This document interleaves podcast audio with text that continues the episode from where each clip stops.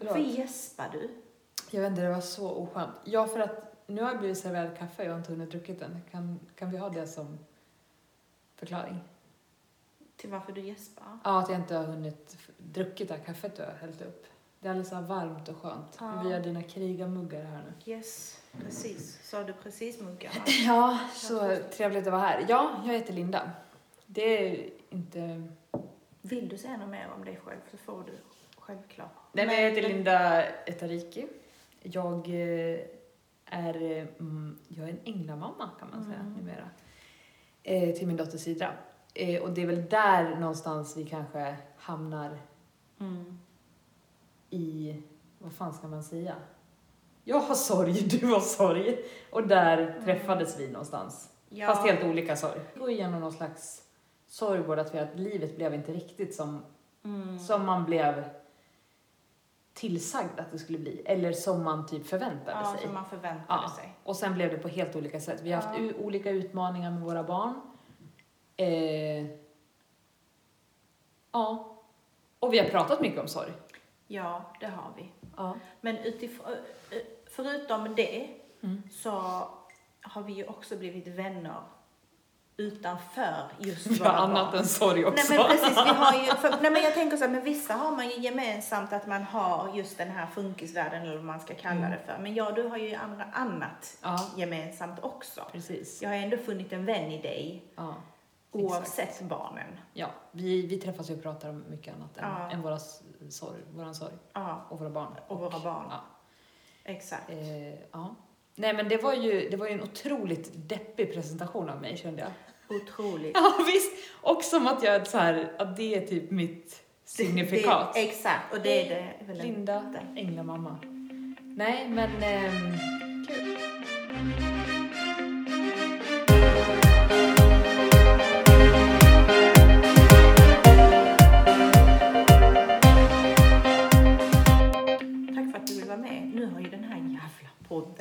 varit på paus i typ ett halvår känns det som. Mm. För att det har varit så mycket i mitt liv. Ja.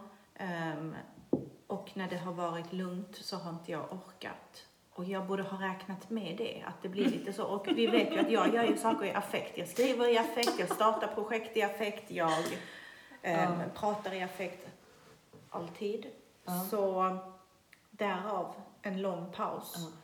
Ja. Men nu så tänkte jag det är helt att okej. om jag släpper det här avsnittet kan jag ha ytterligare en lång paus till nästa. Visst. Det här, blir, det här måste det bli, det här måste bli slagkraftigt nu. Är det Ja, det du säger? Exakt, Ja. känn ingen press. Nej, absolut inte. Men ehm, ja, du pratade lite om eh, det här med privatliv och hur utlämnande liv vi har haft Mm. eller har. Mm. Och vi tyckte att det var ett bra ämne att ta med Verkligen. och prata om. Mm. Berätta lite, vad tänker du när jag säger privatliv? Eh, ja, alltså. Vi, vi har ju inte haft, alltså jag och min man och min dotter har ju inte haft så mycket till privatliv överhuvudtaget sen hon föddes. Innan hon föddes var jag väldigt typ, var jag väldigt privat. Vi visste att hon var sjuk när hon låg i magen. Mm. Eh, jag gick inte ut med någon att jag var gravid eller liksom, för att det var också väldigt osäkert, väldigt oklart. Och det är också så här efteråt bara, aha, vad fan spelar det för roll? Ja. Om typ hon inte skulle ha klarat sig då, Ja. alltså skulle, skulle man låtsas som att det inte hade hänt? Ja. Eller fattar du vad jag menar? Men jag tänker att det är hela den grejen med typ graviditet överlag, när de säger så här, ja risken för missfall är ju stor fram till vecka 12 eller 13 eller vad det är. ja, Och att man inte ska säga någonting förrän det är liksom safe. Ja. Men va, varför det? Vad gör det? Alltså, Det ska man låtsas ingen att- skillnad. Exakt, det är absolut ingen skillnad för själva händelsen. Det enda det gör skillnad för är att du kanske har mer stöd omkring det eller inte. Ska du bära på det själv? Ja, Det är ganska tabu att prata om det för det är liksom lite av en självklarhet att man inte går ut med en graviditet. Sen fattar jag såklart om man inte vill gå ut med det på jobbet, alltså du vet lite så. ja exakt. När man har en annan typ av privatliv. Ja, jag fattar. Men kring vänner och bekanta. Ja, det är så konstigt. Det första hennes halvår av livet Mm. eh, på sjukhus, då låg ju hon eh, på barnintensiven. Mm. Och då hade ju vi fortfarande liksom eh, ja men du vet, man kommer dit liksom och hänger där med henne. Och Ja. sen får man gå därifrån och äta, man kommer tillbaka, så där, fram och tillbaka. Eh, I alla fall det liksom första halvåret och sen så blev ju hon super, super sjuk efter att hon hade fyllt ett igen. Mm. Och då låg vi inne. Eh, både på avdelning och på BIVA. Fram och tillbaks, fram och tillbaks under liksom hela den våren där. Kom hem, det var bra, hon blev ju supersjuk igen efter Mm. sommaren. Eh, för ganska precis ett år sedan, lite mer. Och från det, från så här 21 augusti förra året så har vi legat inne fram till att hon gick bort den 27 februari. Mm. Så att vi låg inne i sex månader Ja. konstant. Och så här, eh, både på barnintensiven men också på, alltså mest på avdelning. Jag hade en gång, det var, eh, det var när vi låg i Uppsala, vi skulle flyttas till eh, Stockholm skulle ta över ansvaret så att vi åker från Uppsala på morgonen till Huddinge Mm. Hinner typ göra bara så en touchdown. Hon blev skitdålig. Mm. Får ringa eh, Transport igen som skjutsar oss till Karolinska. Alltså den dagen. Vi, vi var liksom på tre olika avdelningar på den dagen. Det var helt galet. Ehm, och så där har ju vårt liv sett ut i Mm. sex månader. Mm. Och vi har ju inte haft något som helst privatliv. Sen har ju jag också i, f- ja, för lite drygt, ja snart två år sedan, eh, startade jag också en podd tillsammans Mm. med en annan eh, mamma till Mm. ett eh, sjukt barn. Extra bagage. Extra bagage, precis, som du också har gästat. Yes. Så det är payback nu. Mm. Det är payback. Eh, nej men, och då, då, har det, då har vi också pratat väldigt mycket, alltså man blir också väldigt så här privat. För jag Ja. menar, vad, ska man ha en podd då? Då måste man ju berätta lite Man måste ju vara lite privat. Ja, exakt. Men det har ju också kommit naturligt med att man inte har något privatliv när man ligger inne. Alltså Ja. folk ser dig, det är personal inne på morgonen, Mm. på natten. Alltså sista tiden hade vi personal inne var 45 minut. Mm. Och du ligger och alltså, sover, inom Ja. situationstecken.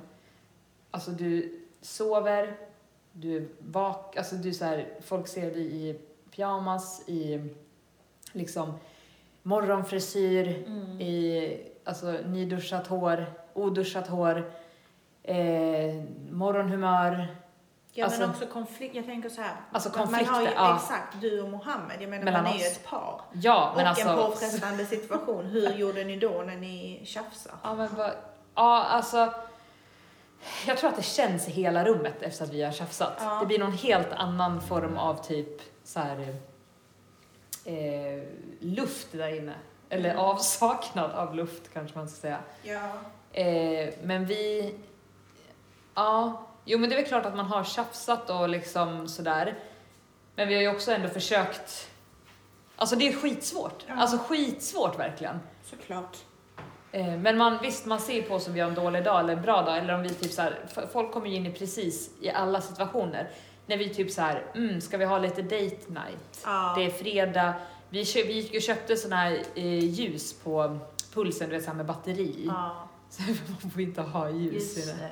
Så Sidra låg typ och kollade på Babblan eller något. Vi hade typ, nu en sån här uppvärmd matlåda som man Ah. köper. Och typ tänt de här små ljusen där inne.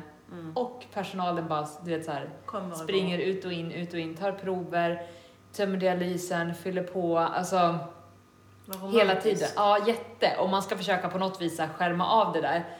Och jag är ju alltid så här lite, alltså jag är så här skitdryg. Du vet så här, man ska, man vill bara ha en lättsam stämning. Mm. Så att jag ska ju hela tiden vara lite lättsam med personalen. Just det. Eh, nej men alltså sånt där hela tiden. Och så som du säger, samtidigt som man typ så här, där, vi är ju där av en anledning. Det är ju för att alltså, våran dotters liv är livshotat Mm. samtidigt som man ska hitta någon slags och privatliv, det, alltså, då, Det då finns finns, inte, inte det. Alltså Nej. det finns inte. Men jag tänkte att man kommer ju ifrån, man ger, man ger inte upp utan det tas ifrån en, ens privatliv. Om man nu Mm. var en privat person sen innan så finns det vissa delar som du obligatoriskt inte längre kan vara privat med.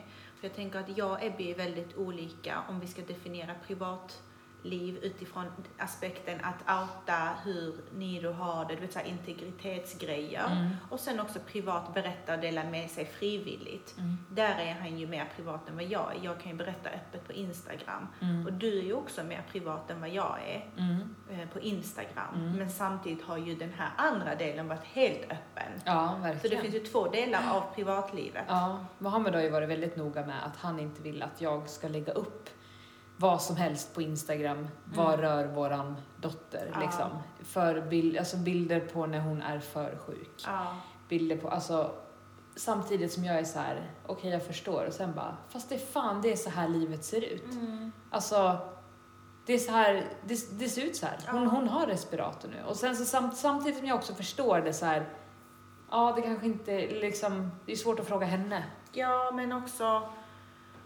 Alltså jag tänker på någon artikel som en eh, person skrev för ett tag sedan att NPF-föräldrar Mm. eh, utnyttjar sina barn för att de vill ha content. Alltså att man använder det- sina ja. barn för att man vill ha content och skapa, eh, få följare och du vet så. Det där är typ det dummaste jag har Alltså hört. det är så sjukt. Det där är ju, alltså det här är mitt liv. ja, Ingen kan säga så nej. lägg inte upp en bild på Nido för att han, han skälar. Men det är så han ser ut. Det där är så kränkande för mig att inte lägga upp honom som han är. Ja, jag förstår precis. Förstår du hur jag ja, tänker? Jag precis vad så om, menar. om Mm. Sidra hade respirator, ja men hon hade behov av respirator.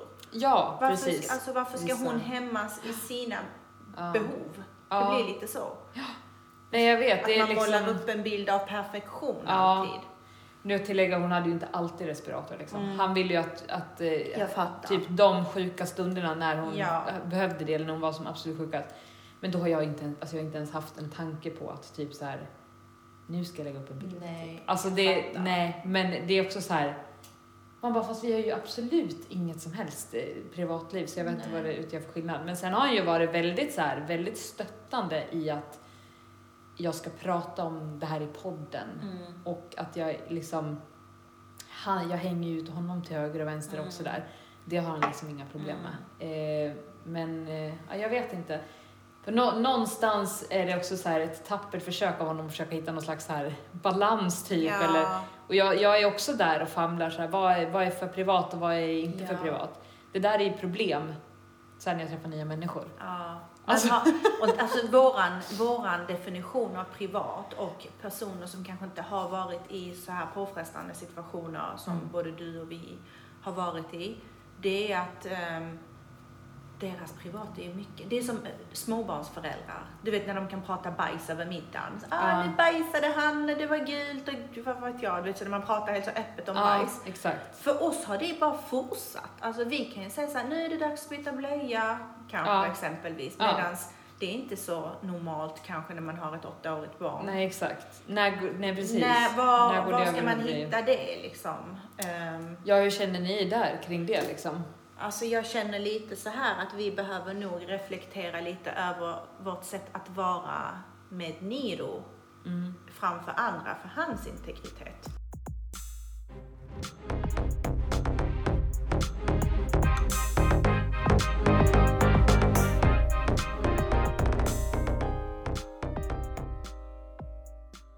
Celine har kompisar här, Ja. eller om vi har gäster. Niro har ju problem med magen, då kan han ju få laxering. Mm. Och han har ju inte förståelse för att han måste vara på toa. Nej. Han har ju blöja. Ja. Så det kan ju liksom vara att han kämpar med magen framför. För Mm. Ja. oss är det normalt. Så jag är så här, eller för oss är det liksom, det är också privat. Jag menar det är egentligen privat att Nido behöver gå på toa. Mm. Men det finns folk där. Hur ska jag hitta en, hur ska jag normalisera det? Ja, jag fattar. Förstår du hur jag tänker? Så det finns vissa saker som är svåra att göra någonting åt. Det är så vårt liv ser ut. Mm. Och vissa saker känner jag att jag har ingenting att skämmas för. Det här är också så mitt liv, så det här är mitt barn, Mm. det här är vår, vårt liv. Och jag kommer berätta och visa, och det är inte alls för att jag vill ha content. Det kan ju vara kanske att jag vill belysa någonting. Ja. Men, eh, och sen en del är obligatoriskt, till exempel när vi söker personlig assistans. Mm. Då man ska gå in i detalj Mm. och berätta hur många minuter tar det att byta blöja, hur lång tid tar det att duscha honom, hur lång tid tar det att tvätta händerna. Alltså allting i detalj i minuter och sekunder. Mm. Och sen, låt säga att du söker, du outar allt, bokstavligen allt i ditt liv som rör ditt barn och dig själv. Ja, för det är ju liksom Det är hela, alltid en det helhet. är hela konceptet familj ni måste lägga fram. Liksom. Exakt. Och så får man avslag och då ska det ju överklagas till förvaltningsrätten. Och Mm. när det kommer till förvaltningsrätten då är det öppna handlingar. Mm. Så det är ju för vem som helst att bara läsa om vårt liv. Mm. Och det är också så här, hur kan systemet ens vara byggt på det sättet där hela mitt liv ska vara öppet för alla? Så det är jättemycket, det är olika aspekter i det här med privatliv. Mm. Och jag känner att jag är öppen med allt och en del skulle jag inte vilja vara öppen med, men jag är Mm. tvungen. Mm. Och, ehm, men jag skulle aldrig till exempel lägga upp bilder på Nido när han självskadar eller har, skriker och är i en utsatt situation. Nej. Det där har inget med mitt liv att göra, det där är Nidos integritet. Mm. Jag fattar. Ja, alltså det är skitsvårt vart man ska dra den där gränsen. Jag tänker också det du säger så här, ja, att man inte by- byter hans blöja inför Mm. liksom, publik. Mm. Eh, sen har ju han kanske också lite svårt att välja, alltså så här, ja, om han står och Mm. bajsar inför, liksom, Mm. eller, eller bara vanligt här, om när han har Ja. fått laxerande liksom. Precis. Det kanske inte ni kan styra över, Nej. men ni kan ju styra över vart ni byter blöjan. Ja, exakt. Det kan alltså man ju kanske styra där över. man kan dra gränsen Ja, och det är det jag någonstans. menar med att ens privatliv blir per automatik väldigt öppen för alla i vår närhet.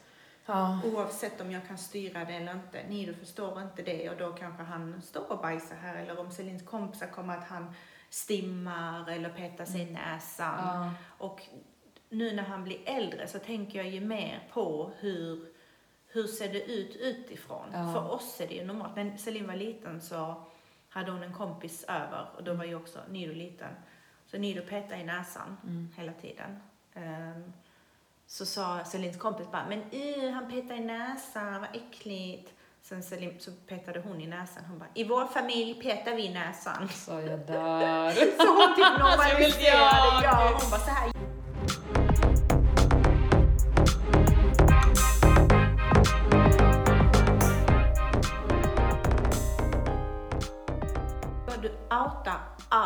Bokstavligen allt i ditt liv som rör ditt barn och dig själv. Ja, för det är ju liksom Det är hela, alltid en helhet. är hela ju. konceptet familj ni måste lägga fram. Liksom. Exakt. Mm. Och så får man avslag och då ska det ju överklagas till förvaltningsrätten. Och Mm. när det kommer till förvaltningsrätten då är det öppna handlingar. Mm. Så det är ju för vem som helst att bara läsa om vårt liv. Mm. Och det är också så här, hur kan systemet ens vara byggt på det sättet där hela mitt liv ska vara öppet för alla? Mm. För visst är det så? Visst är det väl öppna handlingar? Alltså, jag, jag har skitdålig koll där, men jag antar Ja. om det blir en rättssak så, Ja. så är det ju, Ja. då är det väl eh, all, allmänt liksom. Så det är jättemycket, det är olika aspekter i det här med privatliv. Mm. Och jag känner att jag är öppen med allt och en del skulle jag inte vilja vara öppen med, men jag är Mm. tvungen. Mm. Och, ehm, men jag skulle aldrig till exempel lägga upp bilder på Nido när han självskadar eller har, skriker och är i en utsatt situation. Nej. Det där har inget med mitt liv att göra, det där är Nidos integritet. Mm. Jag fattar. Ja, alltså det är skitsvårt vart man ska dra den där gränsen. Jag tänker också det du säger så här, ja, att man inte by, byter hans blöja inför Mm. liksom, publik. Mm. Eh, sen har ju han kanske också lite svårt att välja, alltså så här, ja, om han står och Mm. bajsar inför, liksom, Mm. eller, eller bara vanligt här, om när han har Ja. fått laxerande liksom. Precis. Det kanske inte ni kan styra över, Nej. men ni kan ju styra över vart ni byter blöjan. Ja, exakt. Det kan alltså man ju kanske styra där över. man kan dra gränsen Ja, och det är det jag någonstans. menar med att ens privatliv blir per automatik väldigt öppen för alla i vår närhet. Ja. Oavsett om jag kan styra det eller inte. Nido förstår inte det och då kanske han står och bajsar här. Eller om Celins kompisar kommer att han stimmar eller petar sig i näsan. Ja. Och nu när han blir äldre så tänker jag ju mer på hur, hur ser det ut utifrån. Ja. För oss är det ju normalt. När Celine var liten så hade hon en kompis över och då var ju också Nido liten. Så Nido petade i näsan Mm. hela tiden. Ehm, så sa Celins kompis bara, men uh, han petar i näsan, vad äckligt. Sen Selim, så petade hon i näsan. Hon bara, i vår familj petar vi i näsan. Så jag dör. Så hon typ normaliserade, jag. ja, hon bara så här gör vi, typ så här. Det, så Alltså, petade lite hon själv gråta, lite, ja. Så hon petade själv i näsan för att normalisera det. Men Åh, hur länge fint. ska Ja. det liksom upp, alltså förstår du? Jag, nu har inte hon sagt någonting, men jag kan tänka mig att det blir jobbigare. Ja, jag förstår. Ja, Utifrån syskonperspektivet. Mm. Som vuxen kan man ju lättare skita i liksom, vad ja folk verkligen. tycker. Ja. Mm. ja, det är sjukt svårt alltså. För att hon, ja, hon får ju också ett, vad ska man säga, eh, mindre privatliv. Ja, Utan per att, automatik. Ja, per automatik. Men för det, det där, det jag ska säga, det är när jag träffar nya människor. Ibland kan jag bli så här, eh, ja, jag bara så här, lägger upp allt på bordet typ. Eller så här, jag kan säga, alltså, du vet allt, Mm. berättar om allt. Bara, Mm. ja, och, och man kan märka ibland lite så här typ, folk bara, "Ja, oj gud. För, alltså du vet om jag berättar typ att Mm. så här, ja, vår dotter har gått bort och liksom det här och det här och det här. Mm. Folk blir så otroligt obekväma Ja. eh, har jag märkt. För att de blir typ, de vill ursäkta sig för att så här, har jag typ triggat igång någonting som Mm. gjorde att hon fick lov att berätta det här. Det. Men jag är så jävla van Ja. vid att typ inte ha något privat. Ja. Alltså, då, så att för mig kan det bli också så här, man får så här varje timme man går därifrån, man bara, åh gud, sa jag för mycket? Eller blir Mm. alltså, det är det obekvämt nu? Fast alltså det där känner jag så här med jobbiga samtal. Jag minns ehm, när jag började jobba med våld i nära relationer. Innan jag började så var jag eh, socialsekreterare med ekonomiskt bistånd. Sen fick jag den här rollen och då skulle jag ställa frågor om våld. Mm. Så för mig var det så alltså, det är fett privata frågor. Så, har det förekommit sexuellt våld? Har, du, har han slagit dig? Du vet. Men sen var det helt naturligt. Ja, Så när jag började träffa klienter utifrån ekonomiskt bistånd kunde jag ställa sådana frågor också. Jag som en, liksom en del av rutinen. ja. Och i, i de aspekterna tycker jag det är bra. Och det har ju också byggt att jag har absolut, det känns som att jag inte har några hämning, hämningar när det kommer till svåra samtalsämnen om jag har patienter. Så jag kan ställa frågor. Mm. Och om man inte är van vid så öppna kort så kan det, som du säger, det blir lite så här, oh shit, blir det, ja, framställs jag som gränslös? Ja. Och det kanske man gör, jag vet inte. Jag vet inte, för, det, det, alltså för mig är det liksom en, en ny värld att vara gränslös, om det är nu så man framställs. Eftersom att, och min man är ju, han är sjukt privat. Mm. Alltså, får han fler än typ åtta följare på Instagram, då byter han Instagram. Men nu har han inte bytt på många år så han har inte fått fler än åtta följare. han lägger inte upp någonting eller något, men du vet så här, folk bara, du vet så här, Mm. och vet vem, alltså jag, jag vet inte, alltså om han, ja, Ja. Det, det är jättekonstigt, men han är så sjukt privat och han har ju stört sig på mig. Jag har inte varit fullt lika privat. Mm. Men jag, jag har ju varit mycket så här drivit om mig själv och liksom Ja. så här där, där, där, där, där. Och han har inte alls riktigt varit där, men så är hela min familj. Så att för han har det ju blivit så här "Ö, vad håller ni på med typ? Men sen har han Mm. också växt in i det där lite. Så han har sakta men säkert blivit mer öppen och mindre Mm. privat. Men han är fortfarande väldigt mycket mer privat än vad jag är. Men nu känns det som att jag ibland framställs som gränslös typ. Ja. Man bara, Alltså inte att du gör det, utan jag utifrån att jag känner igen mig. ja precis. Att Men man, samtidigt så är det ingenting jag känner att jag vill ändra. Jag tycker det är sjukt bekväm att vara öppen. För är ibland, visst är det, för ibland har folk skrivit så här, men gud, din, eh, din Instagram är genuin, har jag fått höra, att jag Mm. visar alla delar. Ehm, och det är så skönt att kunna göra det, att inte känna att man måste upprätthålla en fasad. mm, Att jag inte måste bara, idag är en jättefin dag, och gud, god morgon, god morgon. Och sen slänger Ja. man och så slänger man sig i soffan ja exakt. och är depp resten av dagen. Ja. Jag är väldigt öppen med det. Jag mår piss idag. Alltså, Ja. Jag har bara legat här och allting är skit. Mm, Och det är så befriande. ja. Tror inte du också att... Jo, absolut. Absolut. Eh, men sen så kan det vara, alltså, ja, jo, jag, absolut, jag tycker också att det är jävligt befriande att man inte upprätthåller någon slags eh, Mm. fasad och att man har kommit till den punkten där man liksom bara, det här är jag, take it or leave it. Eh, men om jag typ pratar om mig själv, om jag håller tillbaks lite om mig själv, Ja. Eh, och sen, men sen kan folk ändå liksom ett knapptryck bort höra om hela mitt liv i en Exakt. podcast. Eller liksom, Ja. det blir ju också, alltså jag vet inte, det är så svår Ja, balans. exakt. så, här, har jag, så här tycker de att jag har undanhållit, bara men gud varför har du inte berättat det här eller det här Ja. eller det här. Man bara, men var ska jag dra gränsen Var för går våran, ja, gränsen? för att, för att du inte ska bli bortskrämd. eller liksom, Ja, vad, ibland lägger man i knät ja, på folk? Exakt, och vad, vad är relevant? För ibland har jag varit lite så här, jag vet inte, någonstans känns det också, jag har ett krig inom mig när det kommer Mm. till Nidos diagnos, till Nidos diagnos och när jag träffar folk, ah, har, du, har du barn, hur gamla är de? De är så gulliga när de, vilken skola går de i? Där brukar det ofta min, eh, vad heter det? Vattendelaren. Min, ja, vattendelaren kommer där. Var går de i skolan? Vilken skola går de på?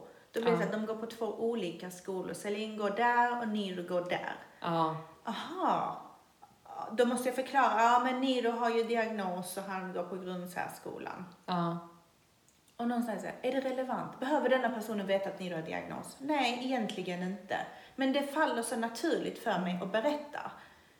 Förstår Ja, du? ja, men samtidigt fattar. har jag en så här, Men- varför? Varför måste du berätta? Men är det, för, är det för att också rädda upp att det här samtalet inte ska bli awkward för den andra människan sen om den ställer typ någon, någon fråga för att man utgår ifrån att du har två normtypiska barn. Förstår du vad jag Ja, menar? Så att man exakt. bara, bara så att du Ja. vet, Ja. så här ser det ut. Så här Alltså, ser det ut, så du? kom Ja. inte med någonting fucked up snart för då Ja, kommer jag bli för det tvungen kan jag att känna. snart. Ja.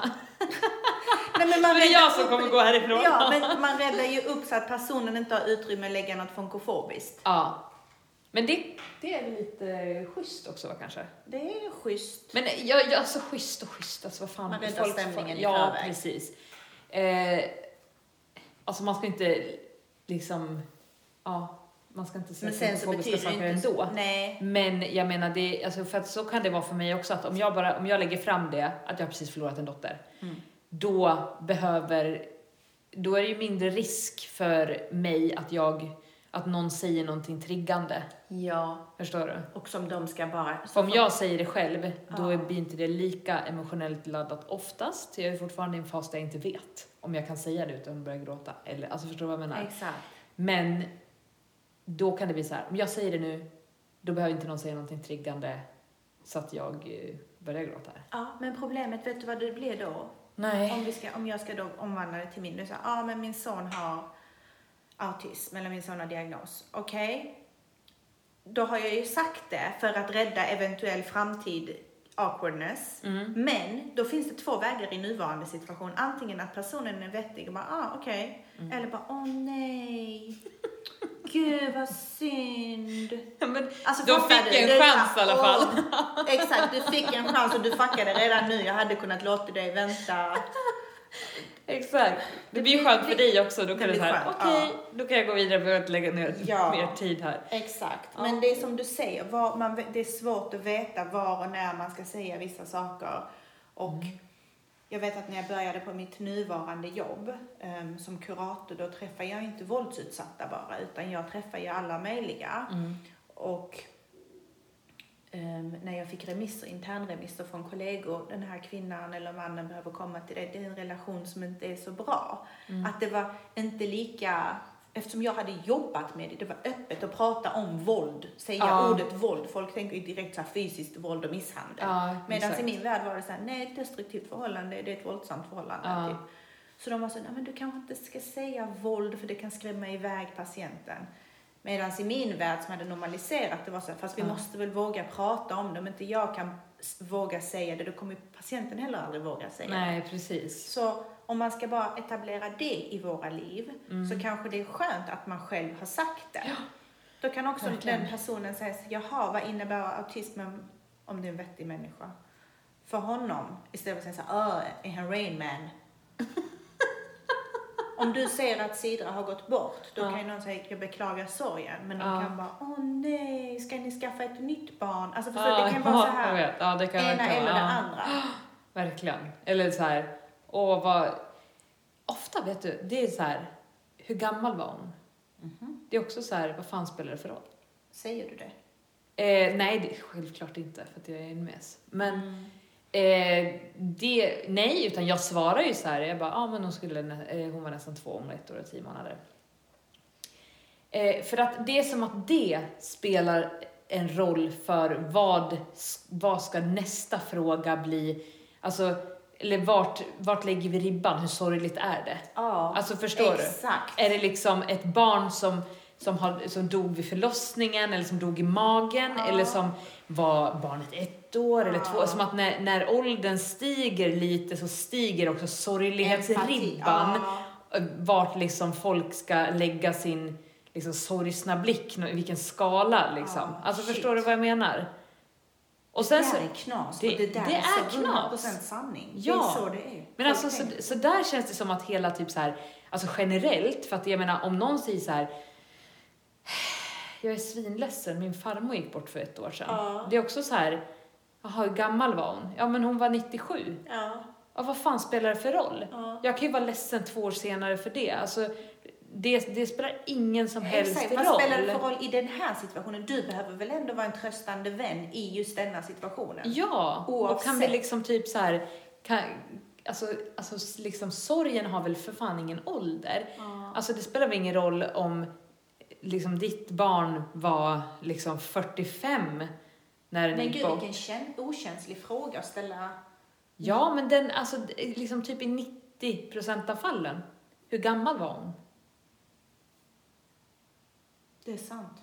Ja, jag vet, det är helt sjukt. Oj. Ska man typ så här skä- skämmas lite då för att hon var för ung? Eller ska man, Ja, har du rätt att vara ledsen nu? ja, eller? hur, eller hur länge sträcker sig min sorg då? Får den vara, i, får den vara liksom, får den vara för evigt? Eller får den vara i tio månader då? Eller får den vara i, Mm. eller så här, den får vara lika lång som hon var gammal? Känner, eller du det är så här- också, känner du också att det skulle vara olika sympatier om de frågar typ hur gick hon bort? Alltså förstår du? Om det var Ja, ett barn absolut. som hamnade i en olycka eller var det ett barn som Absolut. föddes sjukt? Ja. Alltså förstår du att Ja, det är olika 100%. skalor där också? Ja, alltså jag tror, eh, det har jag ju pratat om förut, det här att jag har ju blivit bemött där folk är med så här. ja men det är liksom, hon var ju ändå sjuk. Alltså det är liksom så här, jo fast det är fortfarande en sorg. Alltså det var ju Mm, fortfarande är min fortfarande dotter, det var ju fortfarande liksom jag. Men folk tar sig typ rätten att så här, eh, när ett barn är sjukt, då är det liksom, då är det skönt för det barnet och för familjen och för Mm. alla att det går bort så att man kan starta om på ny Ja. kula. Om ett barn tas ifrån en, av en, alltså i en olycka, då är det hemskt. Och ja, det är hemskt, men det är också hemskt att förlora ett barn på grund av en sjukdom. Ja. Alltså, och lika så här, folk lägger också så här, när folk hör så här, cancer och barn. Ja. Ja, det hör inte ihop. Nej, men det gör fan inte Nej. liksom njur och leversjukdom heller Nej. Med barn. Alltså, Att barn ska gå bort före sina föräldrar är onaturligt. det hör inte hemma. ålder Ja, exakt, och någonstans. oavsett anledning. Precis. Men det är ju den här föreställningen som jag har berättat om innan, när man har ett barn med diagnos. ja. så finns det en föreställning att folk kan prata om mitt barn med mig som att jag håller med dem i det här att ah, undrar när han ska flytta hemifrån eller ja, hur kommer det bli? Lite som att han är oönskad och han är oälskad. Ja, För att det finns en föreställning om att de- här barnen är inte lika mycket värda Mm. som normtypiska barn. Ehm, och man kan prata till föräldrar, Mm. alltså till mig Mm. som förälder, om mitt barn Mm. som att, typ så här, Att han är en, en börda, typ. ja, Ja, exakt. Är inte det? Nej, alltså, Alltså, det, det är är det, är helt det är helt sjukt. Det är helt Och det är vanvettigt. jättevanligt. Alltså det är verkligen jättevanligt. Jag tror att majoriteten av människor som inte har blivit insatta i det här med funkofobi och Ja. allas lika värde. För det är jättevanligt att folk tycker att personer med diagnoser eh, inte har samma rättigheter och är är en börda. Mm. Speciellt om det är med större svårigheter där de kanske, du vet den här typiska bilden av någon som är ehm, inte fungerande Mm. i samhället. De tänker så här, ah, han dreglar och han snorar och han har ingen förståelse för, Mm. du vet, han ljudar. Mm. Den bilden Mm. känns som att det finns en föreställning om att ah, vi fattar att du inte pallar. Alltså gud vad skönt det ska bli sen när han flyttar hemifrån. Lite den, alltså vad fan? Ens barn är alltid ens barn, Ja. oavsett. Det är helt sjukt att folk inte har fattat det. Ja. Ibland kan man bara, fast jag är så jävla glad att jag inte har din dryga unge till barn. Jag fick ju höra det då någon gång, typ när jag berättade om Nido. Och då hade personen i fråga inte ens träffat Nido, utan det här var så ja ah, men han, han kan inte prata, han går på den här skolan. Det var så här bara lite information. Mm. Bara, men gud, det är när jag hör sånt här som jag är så tacksam att jag har fyra friska barn. Alltså, Där kommer ju den föreställningen, som att jag ska vara så, ah, shit, lyckos dig. ja precis. Alltså fan, ja, jag fattar. Varför säger du det till mig? Alltså va? Det är mitt barn vi pratar om. Ja, exakt. Vad Och som, är att han, och som att han är sjuk. Alltså det, Ja, det ja, också. Det är ju en helt det är liksom ett diskussion. kapit, kapitel för sig också. Men har, du- har, du, har du stött på det här om att folk frågar helt ogenerat eh, hur länge Niro kommer leva? Ja. Alltså det är så sjukt. Det verkar också vara helt vanligt. Mm. Och jag, fick, jag har fått den frågan vid två tillfällen. Ja. Och båda tillfällena har varit efter att vi fick veta att han har en sällsynt diagnos, att han har en genavvikelse. Alltså då, då, då, då, måste folk veta livslängden på den. Ja, för då är det så här kliar i fingrarna. då är det självklart att hans livslängd inte är normal, utan då, då är det ju någonting här som vi, alltså, och låt säga att det skulle vara så, nu är det inte så och det brukar kanske inte vara så, alltså det finns ingen prognos. Men låt säga att det skulle, tänk om det här var en diagnos där livs, medellivslängden är 20 år. Mm. Vem fan frågar en förälder en sån fråga oavsett? Och har du inte Google eller ditt, ditt jävla, as. as. Ja, verkligen. För det är så här, om du är så förbannat jävla nyfiken, då kan du googla. För det gör du ju pre- om Mm. Ja. precis allt annat.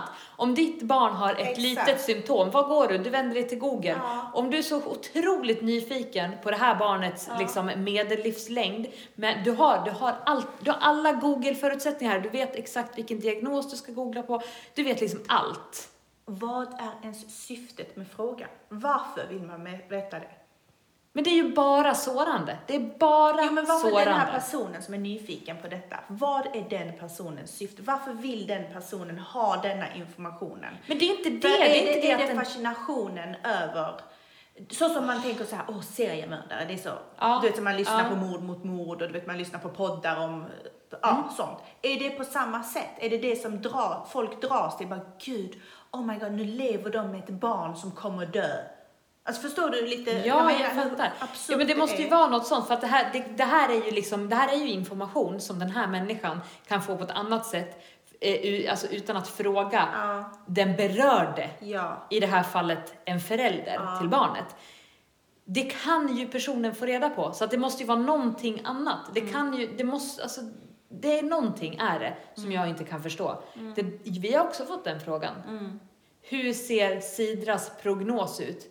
Typ. Mhm. Alltså hur länge kommer hon att leva? Hur länge kan man leva om man är transplanterad? Och vad händer om hon inte får ett nytt organ? Vad fan tror du din jävla idiot? Mm. Alltså, ja hon kommer inte överleva om hon inte får ett nytt organ. Mm. Och du kan, alltså det här finns en, en liksom googling bort. Ja. Alltså kom inte till mig och prata. Det, där, det, det, det är för att det finns en föreställning att du inte heller bryr dig om det här barnet. Vi pratar om det här barnet som ett objekt. Ja, Vi pratar om det som det här bordet.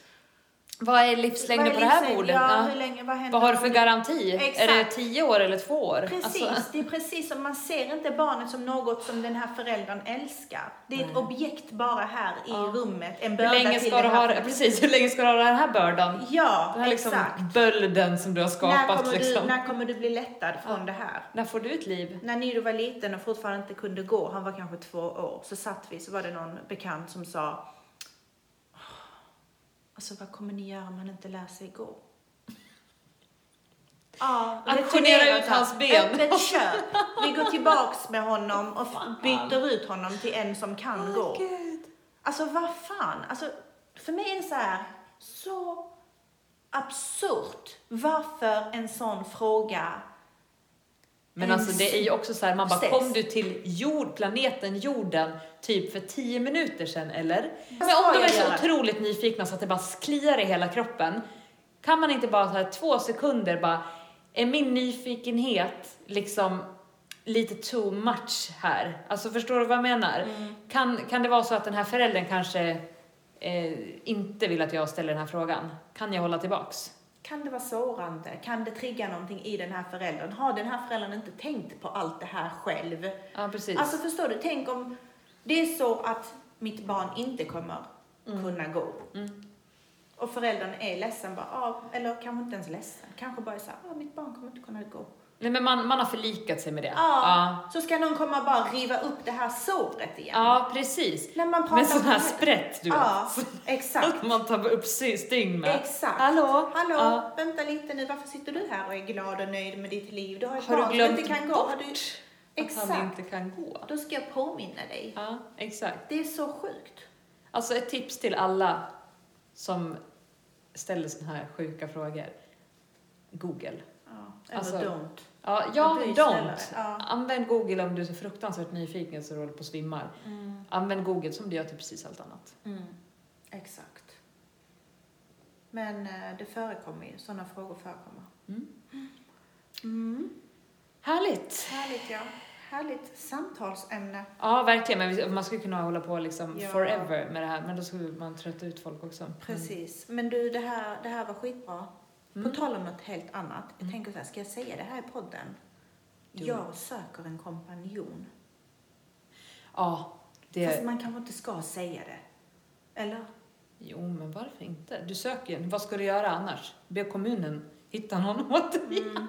Ja, jag, jag, behö- jag söker en kompanjon men jag har liksom inga eh, krav än och det blir ju dumt om jag säger så. Folk bara, men jag kan hjälpa till. Bara, äh, nej, inte du. Fattar du? Ja, jag fattar. Men det är ju... Men om, det, om tio stycken hör av sig, då måste du säga nej, inte du till nio stycken. Ja. Det, ja, men det är ju också... Det är Nej, vi kan sitta nio pers. Ja, Tio pers och snacka i mun på varandra. Man får ta bort en, bara inte du. Nej, men och sen så är det ju också, man måste vara mycket väl medveten om att du inte har all ork i världen varje vecka. Dels det, dels också att ehm, jag tror att om det är så att man inte säger ja till alla Ja. eh, så är det inte alls på grund av, eh, alltså det är inte personligt. Nej, det måste finnas det ett måste bra finna- flow. Alltså man Exakt. måste, precis, Man man, måste kunna hitta flow med någon. Mm. Och det behöver ju inte betyda att man har sådär jättemycket gemensamt överlag. Liksom. Nej, precis. Och jag, jag och Ebby pratade om det häromdagen. Jag bara, har du tänkt att vissa, Mm. även om man har känt dem hur länge som helst, så flyter samtalen aldrig. Det blir alltid så här friktion i samtalet. Ja, jag fattar. Det kan vara folk som man har känt sedan man var barn. Så Ja. blir det så här, uh, uh, hackigt. Ja, jag vet, som när man pratar i mun på varandra och sen bara, Hela "Pra- tiden. pratar du? Nej, Båda blir tysta, båda pratar, båda blir tysta, båda pratar. Ja, det funkar inte om man ska ha en podd ihop. Det där är skitjobbigt. Ja, så att om hon säger nej, inte du, så är det inte, det är inget personligt. Nej, och nej precis. Jag får se hur det blir med den. Men det, jag tänkte på det, att det är så jävla svårt att ha en podd själv. Mm. För det, jag tror inte helt någon är Jag sa det intresserad. Ja, jag Mm. vet. Ja, skit Ja, du hade rätt, Linda. ja, jag är sån här oskön. Vad Ja, var det jag sa? det var det jag sa.